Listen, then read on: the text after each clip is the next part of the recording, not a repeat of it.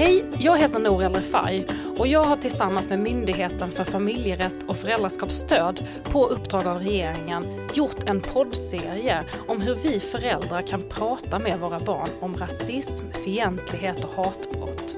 Och det har blivit jättefina samtal med massa olika experter. Och jag tycker verkligen att du ska ta chansen och lyssna på det här. Du som är förälder, du som jobbar med barn. Det här är för dig. Hur du talar med din tonåring om viktiga frågor. Hej, jag heter Nor och jag sitter här tillsammans med eh, Maria. Vill du presentera dig? Ja visst, Maria Wikström. Jag jobbar som utredare på Myndigheten för familjerätt och föräldraskapsstöd. Och det är alltså en statlig myndighet som jobbar för att barn ska få så bra uppväxtvillkor som möjligt och så goda relationer som det går med sina föräldrar. Det är vi väldigt glada för att den här myndigheten finns. Ganska nytt tror jag för många att eh, det finns en sån här myndighet. Eh, vi sitter också med en eh, expert som heter Liv. Du får gärna också presentera dig. Ja, Liv Svirsk heter jag, jag är psykolog och psykoterapeut och har skrivit en del böcker och gör en podd som heter Barnpsykologerna. Vi ska prata om tolerans och empati när man har ett äldre barn eller en tonåring.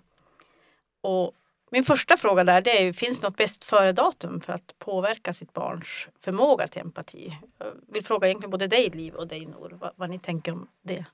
Vi börjar med dig Liv.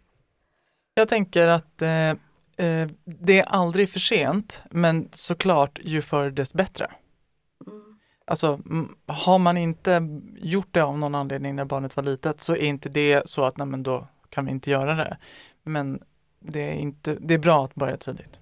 Mm. Vi har ju spelat in ett avsnitt där vi har berört de här frågorna, eh, hur man liksom pratar om det här med små barn. Det får ni jättegärna lyssna på om ni inte har lyssnat på det. Eh, men många eh, kanske inte har berört de här frågorna eh, och har tonårsbarn.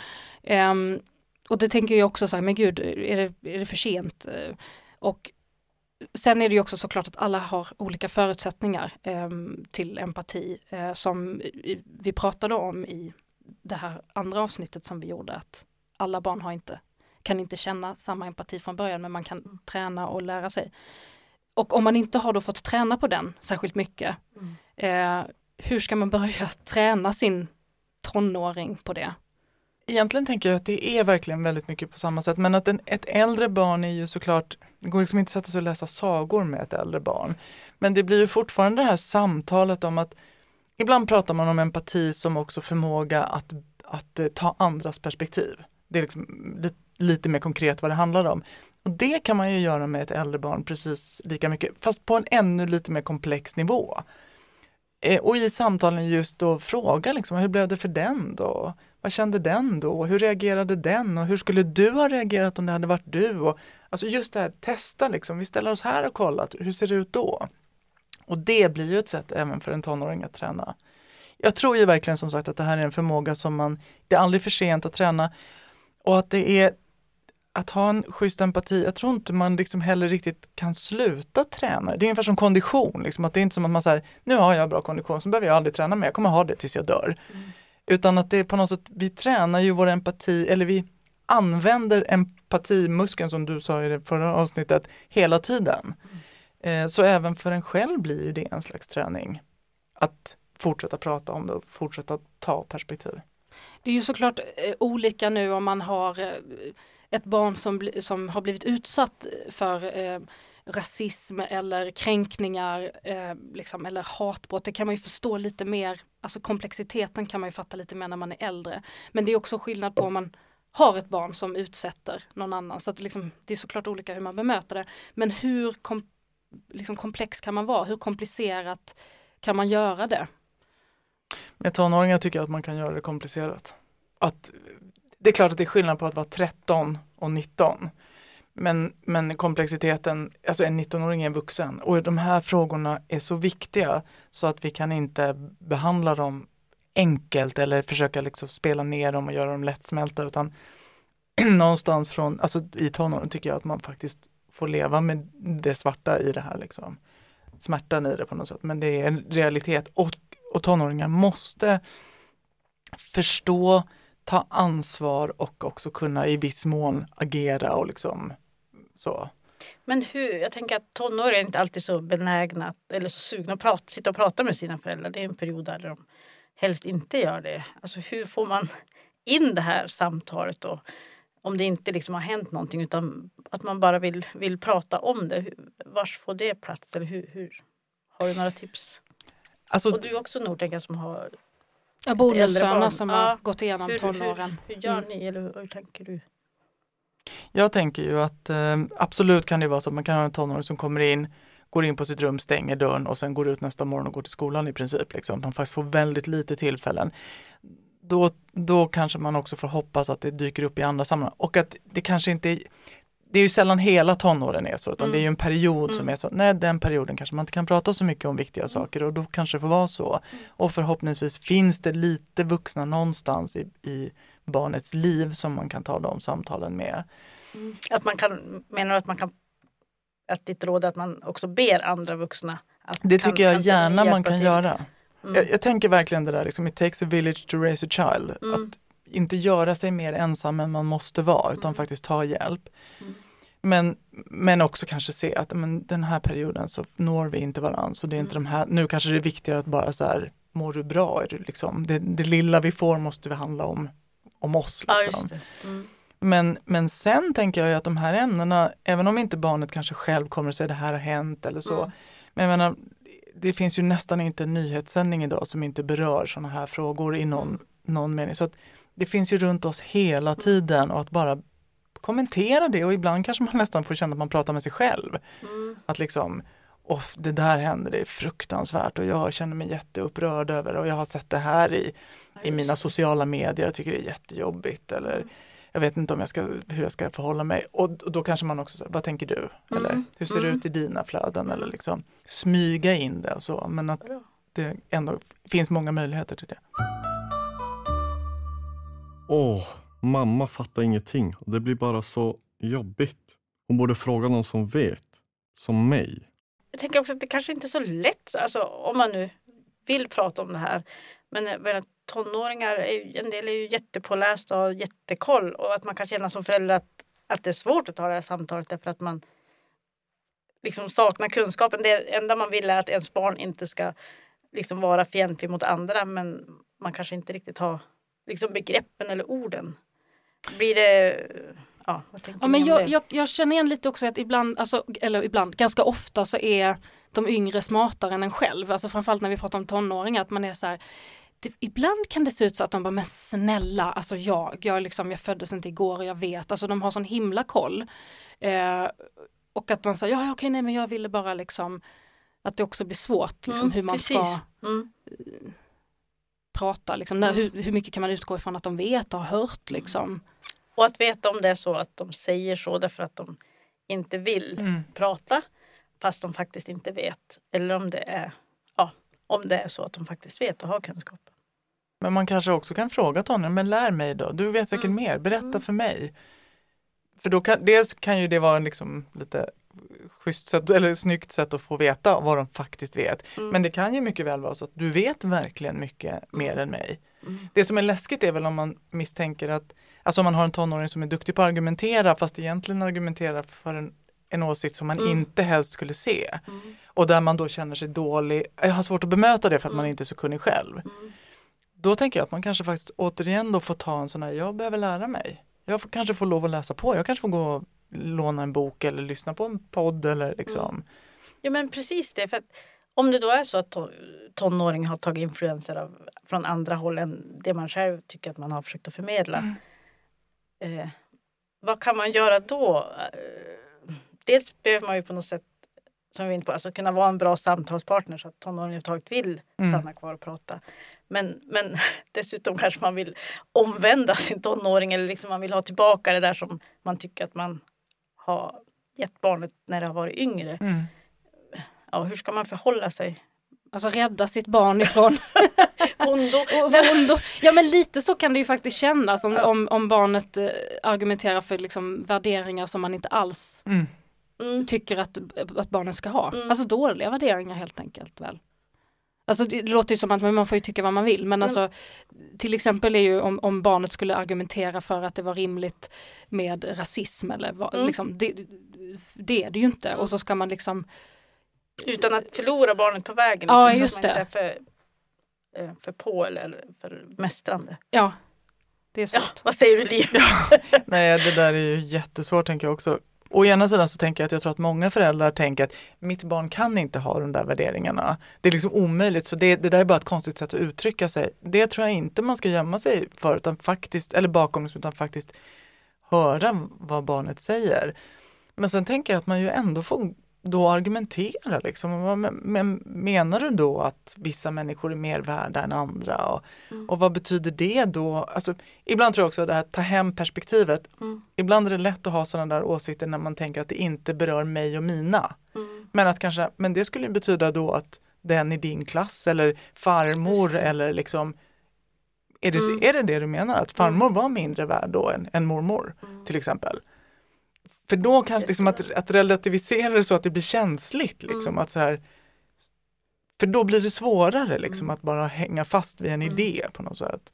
Och, då- och då liksom, nu pratar vi lite ur pers- alltså, mm, där liksom man, om man har ett barn som kanske utsätter andra för rasism eller har rasistiska åsikter eller så här. Men eh, hur ska man, om man har ett barn som blir, blir utsatt, hur ska man liksom prata kring det? För det är ju, kan man ju inte skydda dem från, fast man vill. Mm. Um, ja, då tänker jag att man måste dels eh, verkligen bekräfta upplevelsen.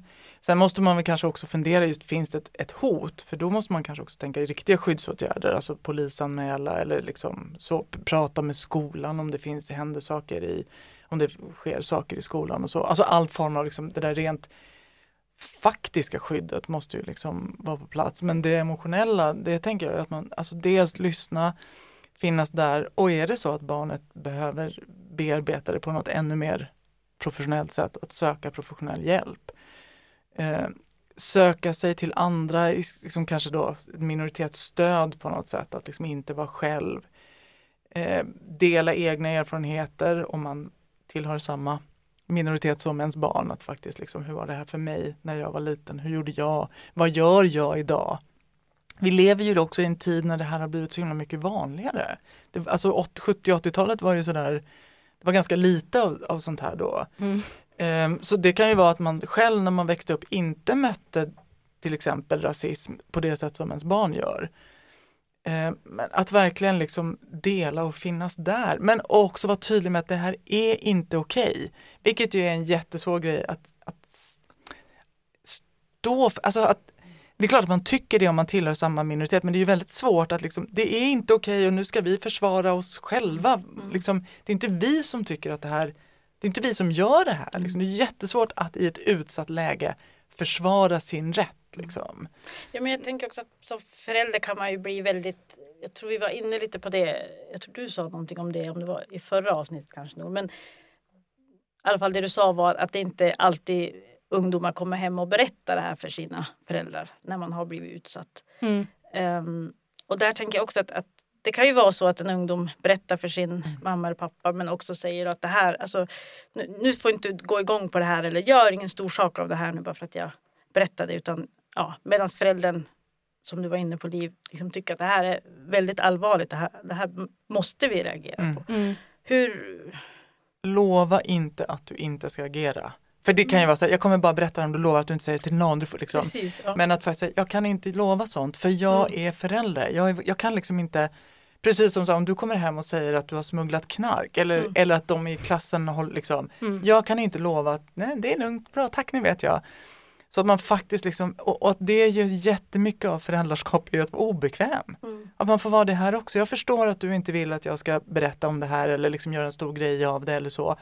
Och vi kan tillsammans diskutera hur vi ska göra det så att det blir på det bästa sättet som du vill. Men jag, du kan, liksom- jag kan inte vara bakbunden. Om du blir utsatt för rasism eller mobbad eller vad det än är i skolan. Jag kan inte sitta här och tänka jag får inte agera på det för det har jag lovat. Liksom ett barn som är 14-15 år som inte kan överblicka de långsiktiga konsekvenserna. Det är föräldraskap att faktiskt ibland vara obekväm just därför att man kan tänka långsiktigt. Ja, men det är väl just det, att man, men man blir som förälder kanske rädd att, att tappa då det här förtroendet. Mm. För att man, Om du säger här, då kommer jag aldrig mer att berätta något för dig. Och så då vill man så gärna förstås fortsätta få veta att om barnet har det tufft. Jag tror min erfarenhet är att de allra flesta ungdomar, om de blir respektfullt bemötta, Mm. just så liksom att vi kan fortsätta prata om det, jag kommer berätta för det, jag kommer inte bara liksom nu ringa rektorn och kalla in hela klassen och Mm. stå och skrika och liksom, utan vi, vi gör det tillsammans, men vi kommer att göra någonting. Mm. Det respektfulla mötet tycker jag de flesta ungdomar, det gör inte att de låser sig, men skulle man då liksom just den här, jag sa till dig att jag inte skulle göra någonting, nu har jag ringt rektorn, jag har pratat med din eh, klassföreståndare, jag har ringt alla, jag har ringt kedja till alla föräldrar liksom. Mm. jättesvek ju Exakt, och läskigt. precis. Och det där, jag tänker liksom i mitt jobb så kan jag ju möta det till exempel att, att barn kan, alltså jag har ju, jag har ju vissa saker om ett barn säger till mig så måste jag berätta det för föräldrarna. Mm. Och då är det ju många som tänker, men då kanske det gör att barnet inte berättar. Mm. Men det är precis samma sak där, att om ett barn får berätta någonting och blir respektfullt mött, Mm. då är det inte det som gör att de låser sig och sen aldrig säger något mer. Utan det är det respektlösa mötet, Mm. liksom, eller det svikna förtroendet. Så att jag tror att man kan liksom, man stänger inte dörren genom att agera. Men man måste göra det på ett öppet sätt liksom, och ärligt sätt. Jag får ju bara i egenskap av att vara liksom på tv så är det ju eh, en hel del barn som skriver till mig och berättar att de befinner sig i en situation där de är mobbade eller någon har varit taskig och liksom och så känner de väl, ja men det här är en hon, hon känner ju inte mig och det Mm. skiter väl hon i att det blir lättare att berätta för någon som inte känner en. Mm. Och jag tänker alltid så här, men om det var mitt barn som mejlade eller hörde av sig så skulle jag vilja att den agerade så. Så jag liksom, i, i den mån jag kan så brukar jag liksom försöka prata med barnet. Ibland är ju situationen så allvarlig så att jag måste säga till barnet att jag måste liksom höra av mig till någon Mm. om det här. Eh, och, och, och då får ju de ofta liksom eh, panik såklart och så att man så här liksom, också som du sa, vi gör, man gör det tillsammans. Men också att jag ofta så här överraskas av att föräldrarna inte har en aning. Mm. Alltså de har inte märkt någonting. Mm. Så att det är som en chock för dem, Mm. verkligen. Eh, och det behöver inte betyda att de är ignoranta, utan bara att det är så läskigt att berätta. Mm. Det är skitjobbigt och de vill skydda sina föräldrar. Eh, jag vill inte att eh, mamma ska bli ledsen. Mm. Hon har så mycket annat att tänka på och hon kommer bli så ledsen. Att man liksom bryr sig mer om sina föräldrars känslor än om sina egna och Mm. sådär. Men om man lyssnar på det här programmet nu så tänker man precis det att eh, ja, tänk om det är så att mitt barn inte berättar för mig men har det jättejobbigt. Hur, eh, hur kan man liksom eh, göra då för att inte göra en jättestor sak av det men ändå liksom påvisa att, att jag vill veta? Man kanske du? kan hänvisa till det här programmet. Jag hörde en podd och då pratade de om det här och jag började tänka, är det så, finns det saker som du inte vill berätta för mig? Mm. Och så, så tror jag också det där att, att vara tydlig med, jag kommer bli jätteledsen om du har det jobbigt. Men du, jag vill ändå veta, det gör mig ännu ledsnare att inte veta. Mm. För det är ju väldigt många barn som liksom tänker att deras föräldrar ska må sämre om de Mm. får veta. Mm, Och just det där att, vet du, det värsta för föräldrar, det är att inte veta. Liksom förä- nästan, alltså det finns ingenting, som förälder vill man alltid veta framför att inte veta Mm. och ha en möjlighet att kunna hjälpa. Sen Mm. kanske man inte alltid kan det, men det kan ju Mm. hända saker med ens barn. Man kan ju få sjukdomar som man, man kan inte hjälpa liksom. Mm. Men att inte veta är alltid värre än att Ja, veta. man, det, man håller ju för det som Ja. förälder. Så här, Ja. jag kommer ta ansvar för min egen ledsenhet i det här. Liksom. Det Mm. behöver du inte bära. Liksom. Mm. Jag tänkte på en annan sak, eh, och det är liksom, om man då som förälder istället får ett samtal från skolan där eh, man får veta att, att mitt barn har eh, gjort, eh, sagt rasistiska saker till, till ett annat barn. Eller min tonåring har skrivit på sociala medier eller på Snapchat till, till ett annat, en annan ungdom. Och så blir man sådär som förälder helt förstörd och eh, skamsen och arg och, och så kommer barnet hem vid fyra tiden och då har man liksom hunnit elda upp sig hela dagen och så för man känner att det här är ju inte alls så som vi pratar hemma eller hur liksom vad, vad sysslar du med, vad är du med för ungdomar eller vad, ja. Och nu blir det ingen mobil och inget, eh, ja. Man kan ju förstå att det liksom blir Mm. såklart en konflikt när, när föräldern kommer att agera så när ungdomen kommer hem. Men om man nu ändå råkade agera så där att det, att det blir liksom riktigt ett jättebråk och att ungdomen blir arg och besviken för att föräldern inte lyssnade på dens historia också. Va, vad kan man göra för för att laga? Först och främst tänker jag att det kanske inte är fel att det brinner i huvudet. Mm. Liksom, det kanske är faktiskt så här starkt är det här för mig. Jag Mm. visar en jättetydlig reaktion nu och liksom Mm. återigen, alltså liksom det här att på något sätt ändå vi måste ju också vägleda som vuxna och vissa saker är precis så illa. Mm. Liksom. Mm. Sen kanske man kan liksom, ja men jag är ledsen att jag sa dumma saker eller det där hade jag inte behövt säga. Så. Alltså man Mm. kan ju be om ursäkt. Mm. Men jag tycker inte att man ska be om ursäkt så pass att man liksom tar tillbaks utan faktiskt Nej. jag men, så här, så här upprörd blir jag Mm. faktiskt. Det här är så fruktansvärt tycker jag. Mm. Men och vi måste prata om det här. Vi måste, vad handlar det här om? Varför gör du så här? Vad bety- förstår du vad det här betyder för andra? Vad, vad du har utsatt någon för? Och liksom. för att Ja det blir, precis. Jag tycker det är så skönt att du säger det. Att man faktiskt får bli, för att, för att liksom, om man inte blir det så är det som att man normaliserar att det där är okej Mm. och det är då det blir på riktigt farligt om man fortsätter sprida. Men jag tänker också så här, det kan ju vara så att barnet har en berättelse om att så här, den där personen har varit jätte, jätteelak mot mig. Mm. Och att få säga så här, ja men du kan säga rövhål till den personen, det går jättebra, du Mm. kan räcka fingret, du kan, men du får inte säga rasistiska Mm. grejer, då är det du som är liksom skurken här. Så. Att, att ändå få liksom bekräfta det att det, jo, men så här, så Mm. här Mm. farligt är det. Mm. Liksom.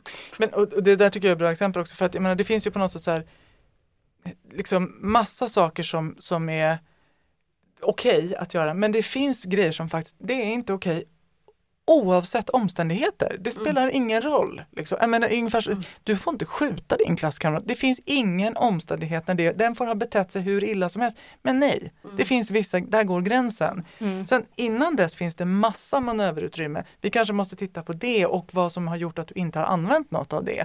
Berättat för mig tidigare att den här har varit så här taskig eller berättat för någon annan vuxen eller fått hjälp eller liksom. Och det är ju ett jätteproblem. Men den här sista änden, där går gränsen liksom.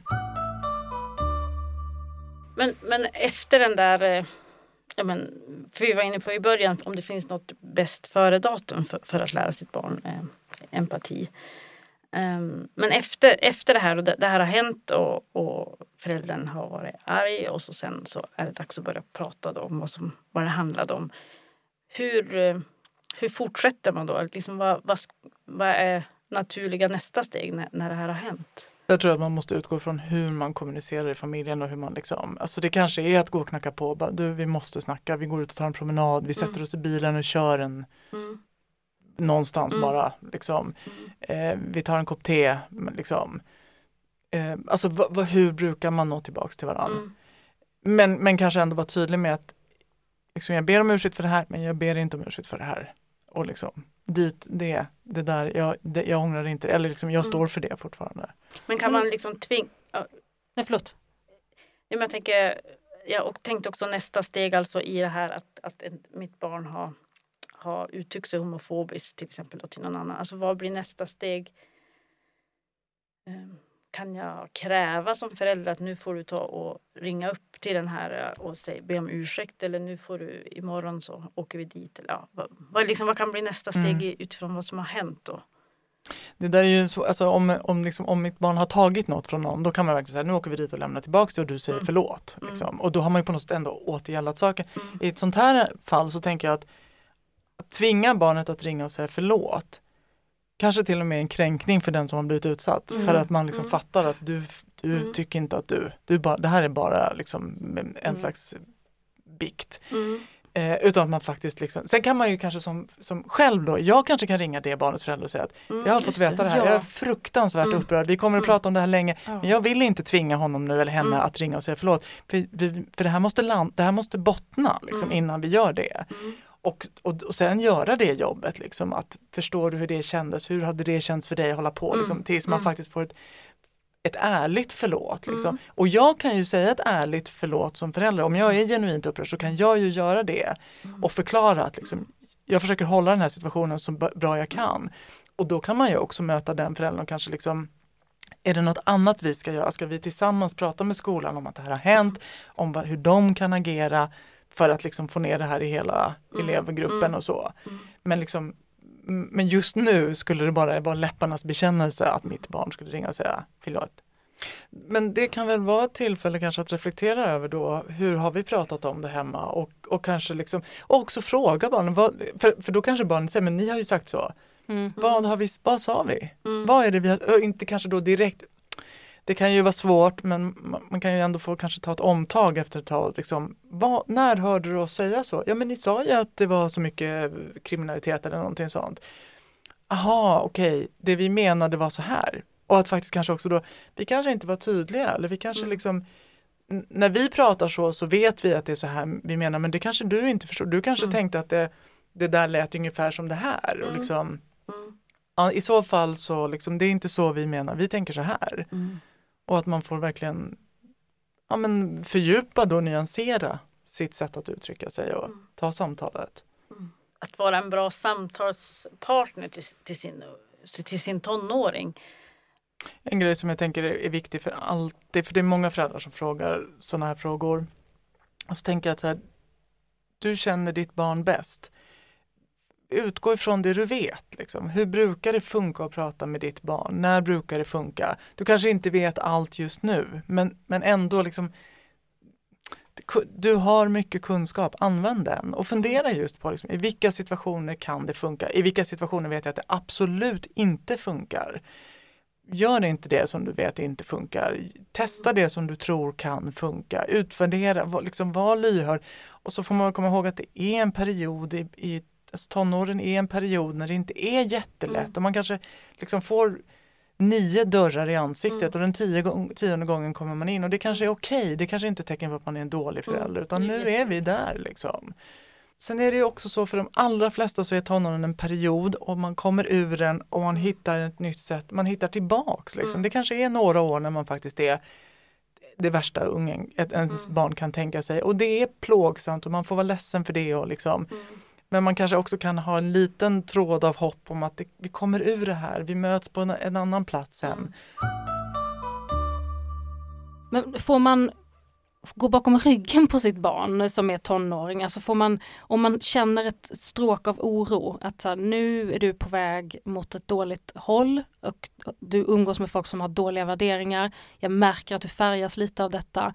Eh, kan man liksom gå bakom barnets rygg och börja liksom ta itu med detta och prata med andra vuxna runt omkring, inklusive skolan eh, eller andra barns föräldrar utan att ens barn liksom vet om det? Det tycker jag att man kan göra. Jag, jag trodde att du var inne på att här, läsa eh, dagbok Nej, eller det kolla. får man inte Nej, göra. precis. Absolut, det är direkt integritetskränkande. Men jag tänker liksom verka, för det kan också vara sånt som barn skulle liksom bli jättearg om man visste. Mm. Eh, Men det tycker jag också ingår i det här att liksom, jag är förälder. Alltså, det, liksom, förmågan att tänka långsiktigt, den utvecklas ju typ upp till 25 års ålder. Liksom, hjärnan är inte färdigutvecklad. Man får ändå komma ihåg att vi har att göra med barn och barns hjärnor. Vi kan inte tänka att de ska få styra. Det blir inte alltid jättebra när vuxna styr heller, men det kanske förhoppningsvis blir lite mindre dåligt. Eh, alltså vi måste, ibland så är det så här, du, det att du inte vill, jag kan inte ta hänsyn till det. Därför att precis som jag skulle inte, om du inte vill ta din diabetesmedicin för, Mm. fast du är diabetiker, vi kan inte ta hänsyn till det för du Nej. kommer att dö då. Mm. Vi ser det, du ser bara precis här och nu att det gör ont eller att du Mm. vill leva som alla andra tonåringar. Liksom. Och det är lite samma sak man får här. typ ringa så här ridläraren eller gympa, Ja. alltså att- bara säga, du, här, jag, jag blir sårbar här nu, jag, jag är orolig, känner du igen det här Ja. liksom? Och, och egentligen behöver man kanske aldrig berätta det för sitt barn då, om det liksom verkar som att det här funkar och det blev inget eller Mm. ja, det var, Precis. Men om det skulle komma fram så kanske man kan stå för det. ja man ska inte ljuga och säga Nej, då att nej det har vi exakt. inte gjort. Nej. Och vilket man eh, tänker att så här, det är svårt att stå för att man har läst någons dagbok för det, precis som liksom, det är sånt övergrepp, på något, så Ja. kränkning. Men att liksom, ja jag ringde din ridlärare för jag är jätteorolig för dig och du säger inte till mig, nu gör jag så här. Jag Mm. förstår att du blir arg på mig för det. Men jag kommer fortsätta att göra saker för jag vill att du ska må bra. Det är det viktigaste för mig. Men jag tänker att det kan ju vara, alltså som förälder eller i en familj så kanske man eh, pratar om eh, migrationen i Sverige och segregationen och Mm. om gängskjutningar och så vidare och, och, och tycker att det är, är fel och hemskt att det har blivit som det har blivit. Um, Medan barnet kanske då, eller ungdomen snappar upp det på ett annat sätt och agerar eller uttalar sig på andra sätt utanför hemmet än vad man Mm. liksom all som förälder hade som tanke att det handlade om. Men om jag då är förälder, kanske ensam förälder eh, och känner att jag, jag fixar inte eh, mina barn, jag fixar inte min tonåring och samtidigt har jag kanske två barn till. Um, vad ska jag, och jag känner ändå att ja, men jag kanske inte har det här nätverket av släktingar eller så. Hur, eh, ja, men vad, vad ska jag göra? Be om hjälp. Och var, var ska jag be om hjälp? Alltså allt ifrån ridläraren, släktingar, vänner, grannar, alltså det kan ju vara barnets kompisars föräldrar, mm. kanske är någonting. Frit, alltså fritidsaktivitets, trä, tränare, ledare, skolan, sko, elevhälsovården, SOS, mm. socialtjänsten. Och sen kan man ju också ringa de här olika, det finns ju sådana lite jourtelefoner, typ jourhavande inte vet jag, präst eller vän eller jag tänker till och med som förälder om man är desperat skulle kunna ringa till BRIS. Det är ju mm. egentligen tänkt att barn ska ringa dit men mm. faktiskt bara, jag vet inte vart jag ska vända mig. Mm. Alltså fråga någon som kanske har lite koll på vem man kan fråga. Mm. BRIS kanske inte kommer säga ring tillbaks till oss. Mm. Mm. Vi är inte rätt men vi vet att du kan prata med den här. Fråga husläkaren, fråga distriktssköterskan alla som är på något sätt inne i de här nätverken har ju liksom, det är inte mig du ska fråga, fast jag vet att du kan fråga SOS till exempel eller liksom men att det finns, om man inte vet så kan man ju, tänker jag, eh, googla, hur gör jag? Och ringa, och typ 1177 tycker jag är världens bästa mm. nummer. Mm. Då kan man, man fråga om allt. Mm. Eh, från att så här, det kliar i, under tånageln till liksom, eh, mitt barn, vad gör jag, vem mm. ringer jag? Mm. Som kan leda en vidare liksom. Om man tycker att det också väldigt, känns väldigt skamligt att be om hjälp mm. så är ju alla de här Alltså inte om man vänder sig till ridlärare men alla andra har ju tystnadsplikt så det är faktiskt ingen annan som Precis. behöver veta att man vänder sig. Om man mm. ringer till SOS så får ingen annan veta det. Man mm. behöver själv inte berätta det för alla man känner. Mm. Eh, och ingen annan, och 1177 har tystnadsplikt, vård, mm. alla de här liksom. Så det är faktiskt en väldigt liten grupp som kommer att veta att man har sökt hjälp. Mm. Och känner man att, liksom, att man inte vill berätta för någon mm. annan så gör man inte det. Så att be om hjälp, det är egentligen, då har man en ganska hög förmåga som förälder om man, om man klarar av att be om hjälp. Mm. Mm. Jag tänker att vi ska börja avrunda det här samtalet. Tack, tack Liv för att du var med. Jättebra. Tack för att jag fick vara med. Du har lyssnat på poddavsnitt från Myndigheten för familjerätt och föräldraskapsstöd. Det är en statlig myndighet som arbetar för att barn ska ha trygga uppväxtvillkor och goda relationer till sina föräldrar. En sammanfattning av dagens program hittar du på mfof.se smakprat. Där hittar du också material som hjälper dig som förälder att vara beredd att prata om rasism, hatbrott och fientlighet. På mfof.se smakprat hittar du också alla andra avsnitt i den här serien.